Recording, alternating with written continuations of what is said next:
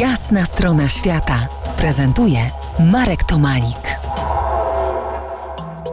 Po jasnej stronie świata Michał Jurecki, historyk kultury badający pogranicze Europy Środkowej i Wschodniej. Rozmawiamy o Nachiczewańskiej Republice Autonomicznej, niewielkim quasi państwie na Zakaukaziu w otulinie Armenii.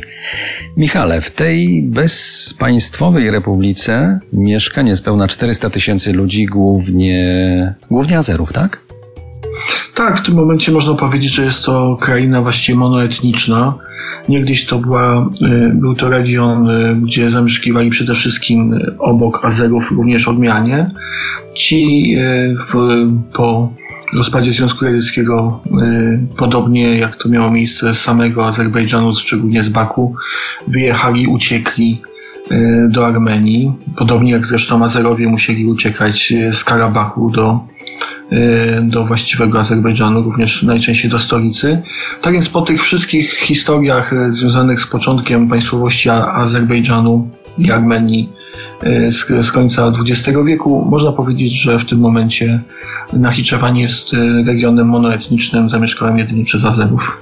A jak oni żyją w tej mikrorepublice? To jest kraj rolniczy, tak na niego patrzeć? W ogóle jakiś przemysł tam jest? Oni żyją dość dobrze stosunkowo, ponieważ niewspółmierne do wielkości tegoż regionu są wpływy polityczne w całym Azerbejdżanie ludzi wywodzących się z Nachiczewaniu. Dość powiedzieć, że właściwie cała klasa polityczna z lat 90., z pierwszej dziesiątki lat XXI e, wieku azerska pochodzi właśnie z Nachiczewania zarówno prezydent, jak i w pewnym momencie premier Azerbejdżanu to byli Nachiwań, Nachiwańczycy. Czy ten kraj może się czuć samowystarczalny, gdyby na przykład te granice się jakoś dziwnie pozamykały? E, nawet z mostem powietrznym byłby problem. Myślę, że y, tak jak już mówiłem, najważniejsze jest połączenie y, z Turcją. To ona tutaj jest y, tym mikromocarstwem w, w regionie Azji Centralnej i Zakaukazia, szczególnie tego właśnie, gdzie zamieszkują jego ludy tureckie.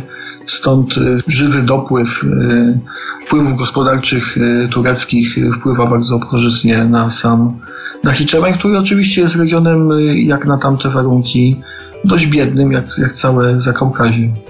Za kilkanaście minut wrócimy do rozmowy o Nachiczewańskiej Republice Autonomicznej. Zostańcie z nami po jasnej stronie świata.